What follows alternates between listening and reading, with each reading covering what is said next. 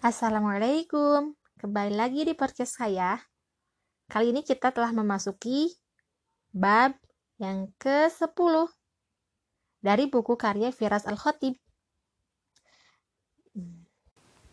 Assalamualaikum, kembali lagi di podcast saya. Masih dalam buku yang sama, karya Firas Al-Khatib, kita sekarang telah memasuki bab ke-10, kemunduran dari halaman 240 sampai halaman 271. Kemunduran 1.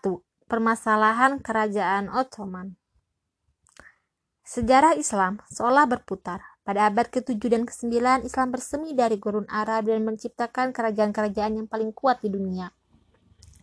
Periode kehancuran akibat invasi abad ke-11 hingga ke-13 mem membalikannya sehingga dunia Islam tercerai belah secara politik, ekonomi, dan sosial. Kebangkitan kerajaan Ottoman, Safavi, dan Mughal pada abad ke-15 dan ke-16 sekali lagi menandai bangkitnya kekuatan Islam di panggung dunia menjelang 1520-an. Kerajaan Ottoman bahkan mampu menyentuh pinggiran Eropa Tengah di Wina. Walaupun gagal tersebut kota Walaupun gagal merebut kota tersebut, mereka telah menjadi kerajaan utama di Eropa. Kebangkitan cepat Ottoman diikuti kemen kemandekan dan kemunduran perlahan. Awal mula kemunduran dapat dibilang terjadi pada akhir masa kekuasaan Sultan Sulaiman pada tahun 1566. Walaupun Ottoman masih menjadi kerajaan terkuat di Eropa saat sang sultan wafat dan akan terus berlanjut paling tidak beberapa dekade, ada beberapa faktor yang berperan dalam kemunduran Ottoman. Berbarengan dengan kemunduran ini, negara-negara Eropa Barat, terutama Prancis dan Inggris, bangkit mengisi kekosongan yang ditinggalkan Ottoman yang mundur dari panggung dunia.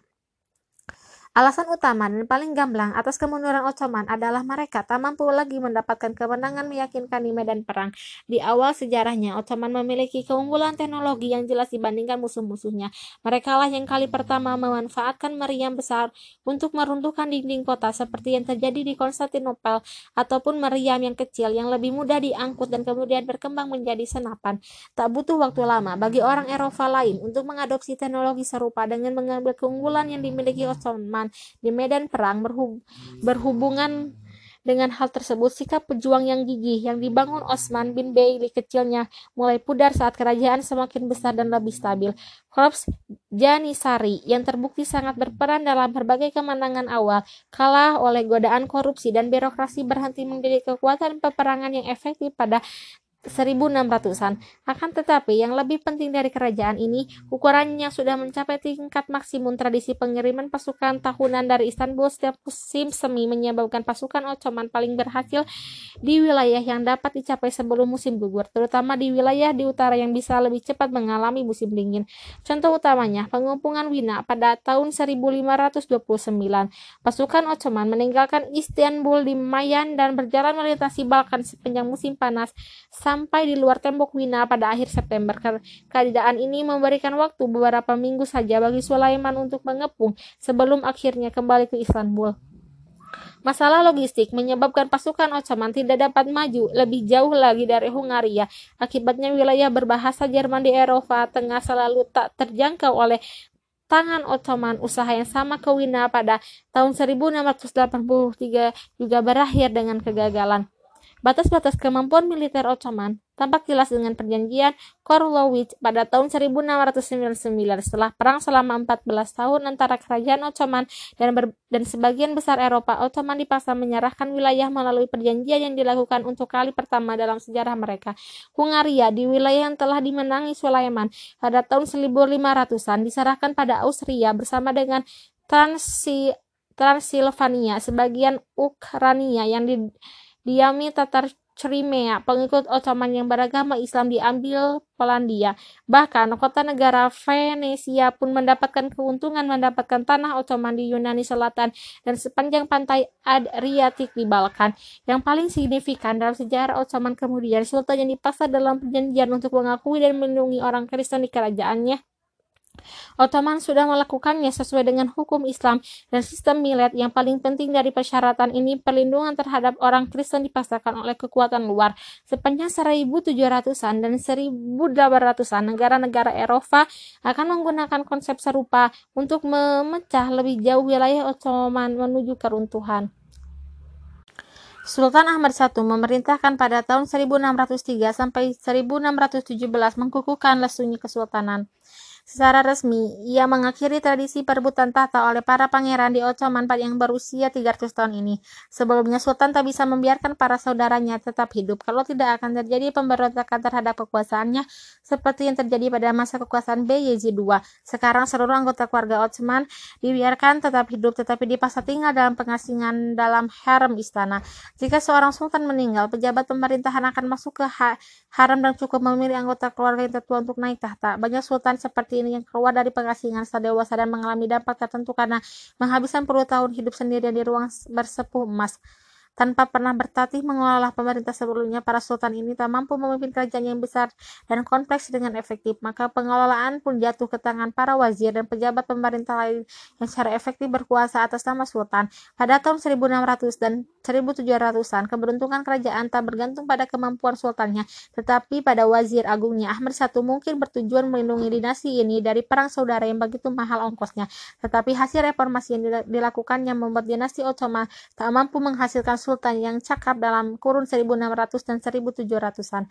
Masalah yang jauh lebih mengusarkan di kerajaan Ottoman sepanjang masa kemundurannya, selain di bidang ekonomi dan militer berkaitan dengan situasi ekonomi Eropa sejak 1500-an negara-negara Eropa Barat seperti Spanyol, Portugis, Prancis, dan Inggris memimpin perjalanan ke dunia baru dan menguras kekayaannya.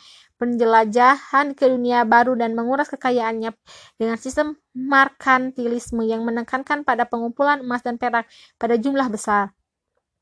Pertambangan di Amerika Tengah dan Selatan memungkinkan kapal-kapal mengangkut perak ke pasar Eropa melalui Spanyol ketika perang membajiri ekonomi Ottoman mata uang kerajaan sangat merosot dan inflasi pun meningkat. Ekonomi Ottoman terpukul di dunia sisi, tak ada lagi perang atau penaklukan yang menghasilkan barang rampasan dan dan kebangkitan Eropa Barat yang memperlemah kerajaan Ottoman. Secara intelektual, Kerajaan ini stagnan pada 1600-an dan 1700-an. Setelah sekian abad keunggulan Islam di bidang ilmu pengetahuan saat Eropa berusaha melewati abad kegelapan, para ilmuwan Ottoman cenderung meremehkan kemajuan intelektual Eropa. Mereka hampir tak bisa disalahkan atas hal ini karena Eropa memang baru susah payah menghasilkan prestasi ilmu pengetahuan sejak kejatuhan Kekaisaran Romawi. Kenyataannya, abad kegelapan berakhir pada 100 1600-an. Renaissance dan pencerahannya selanjutnya memadu era baru intelektualitas Eropa yang ironisnya didorong oleh penerjemah karya-karya Islam baru ratusan tahun di kota-kota utama Eropa. Kebanyakan ilmuwan Ottoman gagal menyadari pergeseran ini dan kemajuan Eropa diremehkan sebagai inv invasi kafir. Pada awal sejarahnya kerajaan Ottoman telah berusaha membatasi jurang intelektual antar Kristen dan Eropa di dunia Islam. Pelukis ilmuwan dan ahli bahasa Eropa dapat ditemukan di istana Mehmed II. Tetapi saat Eropa mulai mengambil peran dominan dalam panggung politik dunia, kecurigaan Ottoman pada tetangga Kristen yang menimbulkan sikap anti-intelektualisme yang menghalangi pertumbuhan lebih lanjut. Masuknya gelombang perak dari Amerika menyebabkan inflasi di kerajaan Ottoman. Pada 1581 koin emas dapat dibeli dengan 60 koin perak. 10 tahun kemudian pada 1550 butuh 10 koin perak untuk beli satu koin emas. Pada 1640 malah butuh 250 koin perak. Meskipun semua faktor ini bergabung untuk melemahkannya, kerajaan Ottoman tetap menjadi salah satu kerajaan terkemuka di Eropa dan Timur Tengah pada 1600-an dan 1700-an. Pertumbuhan yang luar biasa dalam 300 tahun pertama begitu hebat sehingga tantangan militer, ekonomi, politik, dan intelektual yang dihadapi Ottoman pada masa kemendekannya tak dapat sepenuhnya menghapuskan capaian yang ada. Bentuk fundamental kerajaan harus berubah dan beradaptasi dengan kenyataan geopolitik yang baru yang paling penting adalah hubungan antara Ottoman dan negara-negara Eropa lainnya. Para wazir cukup pragmatis untuk menyadari bahwa konflik tanpa akhir dengan tetangga-tetangga barat akan berujung bencana. Hubungan antagonis Ottoman dengan Eropa pun mulai pudar saat para wazir mengerti era ekspansi sudah berakhir menjelang 1600-an. Tak ada yang lebih terang benderang dibanding periode tulip yang berlangsung 1718 dan 1730. Pada masa itu wazir Ottoman Nefserihi Limat Ibrahim Pasha membuat rencana baru dengan Eropa yang ditandai dengan hubungannya dagang dan perpaduan budaya, gaya aristik Eropa terutama barok diadopsi oleh Ottoman dan dilebur dengan gaya tradisional Islam sehingga menciptakan tampilan baru yang khusus. Tulip yang populer awal abad ke-18 di Eropa Barat sangat menonjol dalam seni periode ini. Meskipun budaya berkembang baik di periode tulip, kecenderungan yang lebih signifikan mulai muncul dalam hubungan antara Ottoman dan Eropa Barat. Stagnasi yang goyahnya Ottoman pada 1600-an memicu kejatuhan dengan cepat pada 1700-an. Perjanjian Karlowitz pada 1600 memperjelas kelemahan Ottoman, tetapi perang dan perjanjian berikutnya pada 1700-an benar-benar menunjukkan kemunduran Ottoman. Usaha Ottoman untuk mendapatkan kembali Yunani setelah memicu perang dengan Austria dan 1700-an yang berujung pada perjanjian Passarowitz. Perjanjian ini menghasilkan penyerahan Serbia kepada kerajaan Austria pada 1718. Usaha merebut wilayah kembali yang malah menyebabkan kehilangan darah lebih banyak benar-benar menunjukkan situasi yang sedang dihadapi Ottoman. Beberapa dekade perdamaian yang diikuti peperangan membawa petaka dengan Rusia dari 1768 hingga 1774. Rusia mampu meraih kekuasaannya atas Crimea dan Kaukas Utara serta mendapatkan jaminan bahwa orang Kristen di wilayah Ottoman akan dilindungi. Pemisahan menyeluruh kerajaan ini pada akhir 1700-an hanya terhalang oleh pecahnya revolusi Prancis sehingga Eropa disibukkan olehnya. Pada akhir abad ke-18, Ottoman kehilangan wilayah yang sangat luas di Eropa.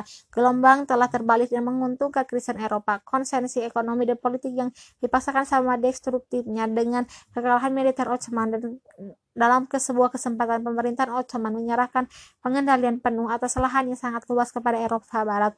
Sultan Salim I mendatangi perjanjian dengan Prancis yang memberikan hak istimewa perdagangan khusus untuk kerajaan. Penyerahan ini awalnya saling menguntungkan karena memperkuat ikatan dagang di antara dua kekuatan ekonomi terbesar di Eropa. Namun saat Ottoman mengalami kemunduran, penyerahan ini muncul dalam bentuk baru sebagai balasan atas dukungan diplomatik yang sangat dibutuhkan Osman.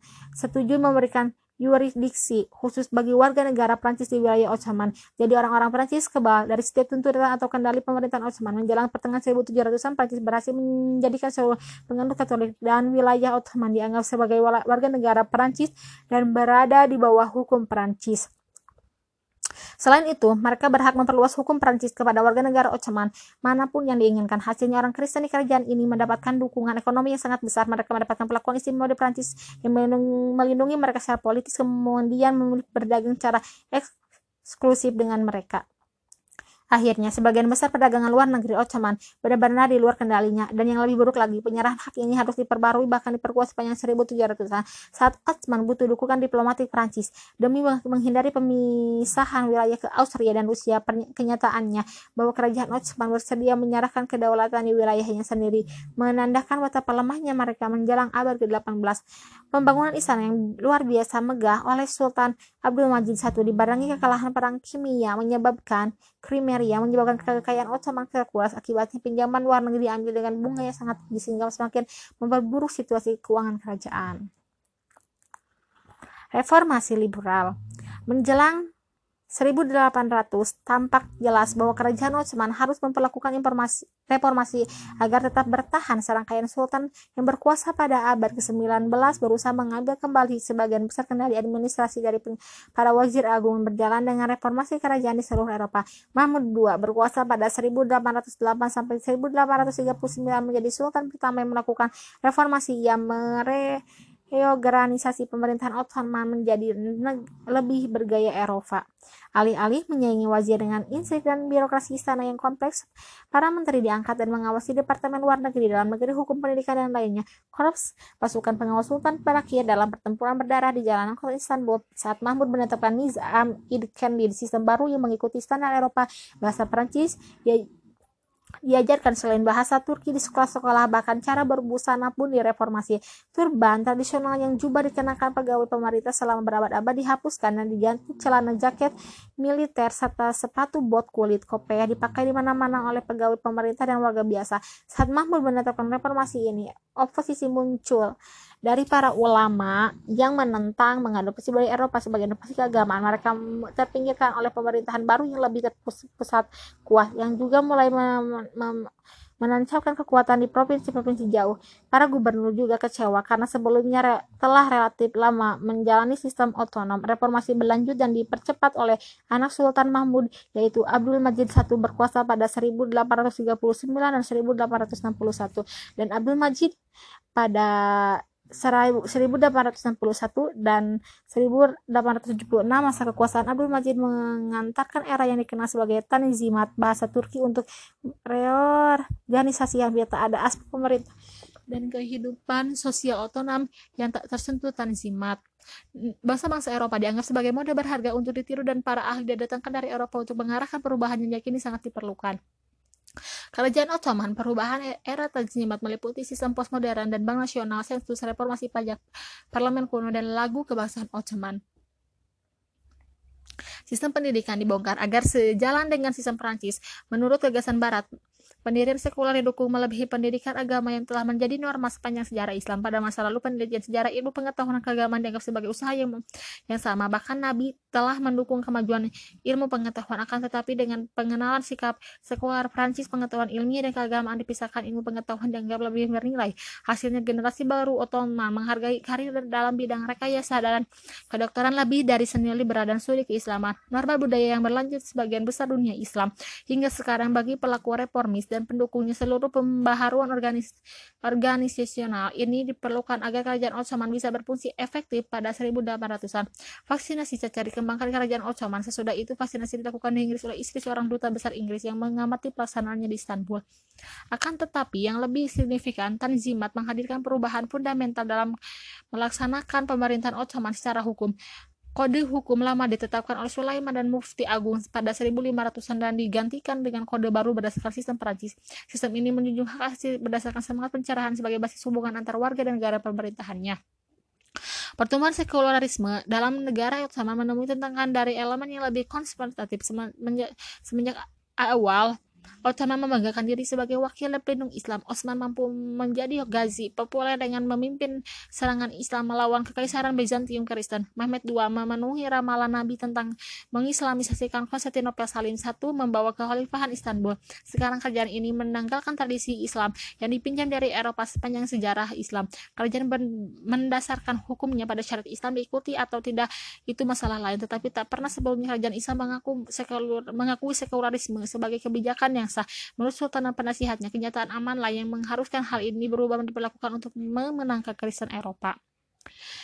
Berbarengan dengan pemikiran sekuler yang datang bersama pencerahan, nasionalisme menjadi kekuatan intelektual yang kuat pada abad ke-19. Orang-orang Eropa di seluruh benua itu mulai menggalakkan gagasan kerajaan patentis tradisional yang memilih negara bangsa yang didominasi oleh kelompok etnis atau bah bahasa yang sama. Bagi Ottoman yang diisi bangsa Turki, Arab, Kurdi, Armenia, Yahudi, Serbia, Bosnia, Yunani, banyak etnis lain. Konsep nasionalisme ini menjadi masalah saat Yunani berhasil merdeka dari Ottoman dengan bantuan dari seluruh Kristen Eropa pada 1830. Ancaman nasionalisme menjadi nyata. Kelompok etnis lain dalam kerajaan ini bisa menuntut kemerdekaan sehingga menyebabkan pembang, pembongkaran kerajaan habis-habisan untuk memerangi nasionalisme. Konsep identitas dan rasa memiliki harus berkembang di wilayah kerajaan Ottoman. Beberapa pejabat terutama yang tersidik secara Eropa Barat dan terpengaruh nasionalisme berusaha mengikuti seluruh warga Ottoman dalam gagasan Ottomanisme. Di bawah di bawah gagasan ini, seluruh warga negara Ottoman, apa pun agamanya atau etnisnya dianggap setara. Reformasi hukum era Tanzimat telah menjamin hal tersebut. Tetapi sekarang seluruh kelompok etnis dan beragama didorong untuk mengenali diri sendiri bagian Ottoman. Akan tetapi kenyataannya Ottomanisme gagal menyatukan rakyat dalam satu identitas kapitalisasi dan negara Eropa menyebabkan orang Kristen mendapatkan keunggulan ekonomi yang sangat besar yang tak dimiliki orang Islam. Orang Islam bahkan tak memiliki keunggulan hukum atau sosial apa pun. Ketegangan antara orang Islam dan Kristen meningkat di seluruh kerajaan saat Muslim menyadari bahwa mereka tertinggal dari orang Kristen yang menyadari lebih kuat dan terpengaruh pada akhirnya usaha menyatukan seluruh warga Ottoman menjadi satu bangsa bahannya meningkatkan ketegangan dan agitasi antar kelompok keagamaan dan etnis. Era Tanzimat berlangsung sampai 1876. Reformasi periode ini gagal memperlambat kemunduran negara Ottoman. Keuangan Ottoman masih berantakan. Pemberontakan di antara kelompok etnis di Balkan semakin sering terjadi. Ottomanisme dan reorganisme provinsi gagal memadamkan nasionalisme. Sementara itu kekuatan Eropa Barat semakin besar dan berpengaruh. Era baru imperialisme dan kolonialisme pun dimulai. Sebagian pejabat pemerintah berpendidikan Barat yang dikenal sebagai Ottoman muda meyakini kegagalan Tanzimat dikarenakan seorang yang liberal. Mereka semakin mendorong sekularisme Eropa dan membatasi kekuasaan Sultan lebih jauh. Faksi kuat ini memberhentikan Sultan Abdul Aziz pada 1276 dan menggantikannya dengan keponakan Murad V. Sultan baru ini lebih tidak kompeten dibanding pendahulunya dan patah semangat hanya beberapa bulan kemudian. Kemudian dipecat dan digantikan saudaranya Abdul Hamid II berkuasa pada 1276-1909. Perubahan kesultanan oleh para wazir ini menyebabkan majunya pemimpin yang dapat di melanjutkan reformasi liberal dan era Tanjimat, tetapi kekuasaan Abdul Hamid II tak berjalan sesuai rencana. Pada pada 1908 Abdul Hamid II mendirikan Universitas Islam di Beijing, Tiongkok untuk menjadi penduduk muslim Hyuri Tiongkok. 3. Pan-Islamisme Islamisme Abdul Hamid mungkin menjadi salah satu sultan otonom yang paling siap selama berabad-abad sistem pemenjaraan mewah dalam harem diawali Ahmad I telah lenyap pada abad ke-19 sebagai pangeran Abdul Hamid bisa berpergian di, ke Eropa dalam bagian delegasi diplomatik ia pun sangat terpelajar. Sesuai karakter era klasik Sultan Ottoman ia seorang yang serba bisa. Ia menjadi penyair ulang yang penguat bahkan membuat pun punya curnya sendiri. Selain itu, tak seperti pendahulu yang bermewah-mewah yang menghindari kemegahan istana baru dan mahal sepanjang Bob's Horus dan tinggal di tempat sederhana di istana Will Zildid yang lebih kecil dan terpencil. Seseorang pemimpin cakap memang sangat dibutuhkan saat itu naik tahta. Perang Russo Turki pada 1877 sampai 1878 berujung pada kemerdekaan Rumania, Serbia, dan Montenegro serta otonomi Bulgaria di bawah kerajaan Ottoman. Sisa-sisa kendali Ottoman dibakar secara perlahan lenyap. Dukungan dari Inggris pada 1880 tetap menegakkan Ottoman karena melihatnya sebagai penyangga efektif melawan imperialisme Rusia lebih lanjut. Ottoman lebih menyatakan bangkrut pada 1875 dan sebagian besar anggaran dialokasikan untuk membayar bunga utang luar negeri yang besar yang terkumpul selama masa kemunduran. Walaupun berjanji meneruskan Reformasi Tanzimat liberal Abdul Hamid membawa kerajaan menuju arah baru reformasi yang berusaha membatasi kekuasaan sultan dan mengalihkannya ke parlemen ditinggalkan. Abdul Hamid berusaha mengembalikan kekuasaan tradisional dan kesultanan. Konstitusi yang ditulis dan diterapkan oleh Wazir Agung pada awal masa kekuasaannya pada 1876 dihentikan tanpa batas pada 1878 dengan sedalih karena perang melawan Rusia. Untuk kali pertama semenjak zaman gemilang kekuasaan Osman pada 1500-an, Sultan benar-benar berkuasa. Sejalan dengan kekuasaan Sultan, Abdul Habib mengembalikan aspek dinasti Utsman yang telah terlupakan. Kekhalifahan Utsman telah memegang gelar kekhalifahan sejak Salim satu menaklukkan Mesir pada 1517, tetapi jarang digunakan. Bagi Abdul Hamid, posisi sebagai ahli waris jabatan yang dimulai oleh Abu Bakar itu sangat penting. Gelar ini signifikan karena dengan kehilangan wilayah Kirsen Balkan, kerajaan Osman sekarang menjadi negara minoritas Muslim, orang Turki, Arab, Albania, dan komplek Islam lain, dan kerajaan didatangi didatangi oleh penguasa muslim yang diusir ke, ke, oleh kekuasaan Kristen di Eropa, termasuk Cirasian yang mengalami pembersihan etnis di Rusia selama Selatan pada 1860-an, mengumpulkan warga negara dalam identitas Islam untuk bersumpah setia kepada khalifah lebih mudah daripada identitas Ottomanisme ciptaan. Selain itu, dengan kebanyaknya orang Islam yang hidup di bawah dominasi imperial Eropa di India, Afrika, dan Asia Tenggara, ia dapat menggunakan posisinya sebagai pemimpin spiritual dunia Islam yang menaikkan posisi saat menghadapi kekuatan imperial Eropa. Pan-Islamisme sangat didukung selama masa kekuasaannya karena ia berharap bisa memberikan energi baru ke dalam pergelakan Ottoman sambil berharap menyatukan semua muslim dalam gagasan pada Islam. Abdul Hamid mengadakan serangkaian proyek yang bertujuan untuk mengembalikan bentuk Islam ortodoks yang telah hilang selama bertahun-tahun tanzimat jalur kereta api. Dibangun melintasi kerajaan, tetapi yang terpenting adalah jalur hijaz yang terpen yang merentang dari Istanbul ke Madinah. Upaya menghubungkan Ottoman dengan provinsi terjauh memang masuk akal secara logistik. Hal ini juga membuat perjalanan haji lebih mudah ditempuh, terutama saat melintasi gurun Arab. Selain itu, jalur kereta ini berfungsi sebagai jembatan spiritual antara ke kekhalifahan Ottoman di Istanbul dengan lokasi negara Islam pertama yang dipimpin Nabi. Delegasi utusan dikirim ke masyarakat muslim di luar batas wilayah Ottoman sampai sejauh Afrika, Sub-Sahara dan Tiongkok. Kesetiaan dunia Islam bisa dimanfaatkan Sultan untuk menghadapi kekuatan Eropa dan terus berkembang dalam satu sikap yang mengesankan. Ia membuat kecewa Theodor Herzl dan gerakan Zionis yang menawarkan untuk Membali Palestina sebagai pengganti atas pembayaran hutang luar negeri kerajaan. Tujuan pan-Islamisme Abdul Hamid sesuai dengan aspek non-sekuler tanzimat dan reformasi yang bertujuan untuk memperkuat kerajaan terus berlangsung. Wazir Agung ditunjuk dengan tujuan mereorganisasi birokrasi pemerintah agar lebih efisien dan kompetitif menghadapi kekuatan Eropa. Selama masa kekuasaannya pendapatan meningkat dan korupsi menurun. Penasihat militer Jerman dipanggil untuk modernisasi dan melatih pasukan Ottoman. Sementara itu kapal-kapal perang didatangkan dari Inggris, Prancis dan Amerika. Pendidikan diperluas di seluruh negeri. Sekolah dasar dan menengah didirikan untuk menyaingi sekolah asing yang didanai misionaris Kristen. Menjelang 1845, lebih jauh dari satu juta murid di seluruh negeri masuk sekolah umum melanjutkan tingkat literasi. Meskipun sudah berusaha memodernisasikan kerajaan dengan mempertahankan bentuk Islam dan monarki, Abdul Hamid tak mampu membendung penyebaran liberalisme dan sekularisme di wilayah kekuasaannya pada elit berpendidikan Eropa dan tak pernah putus asa mengharapkan negara Ottoman baru berdasarkan gagasan Eropa Barat. Pada 1909, Abdul Hamid diberhentikan oleh perkumpulan rahasia yang di dikenal sebagai Turki Muda dengan dukungan Kristen Turki dan diilhami liberalisme sekuler Eropa. Turki Muda berhasil mengakhiri 33 tahun masa kekuasaan Abdul Hamid dan pemerintahannya yang berorientasi Islam. Akan tetapi mereka memilih untuk tak mengakhiri kesultanan hingga 30 tahun berikutnya dua sultan masih memimpin tetapi hanya sebagian boneka tanpa otoritas kekuasaan sesungguhnya dalam sejarah Ottoman berikutnya berada di tangan Turki Muda.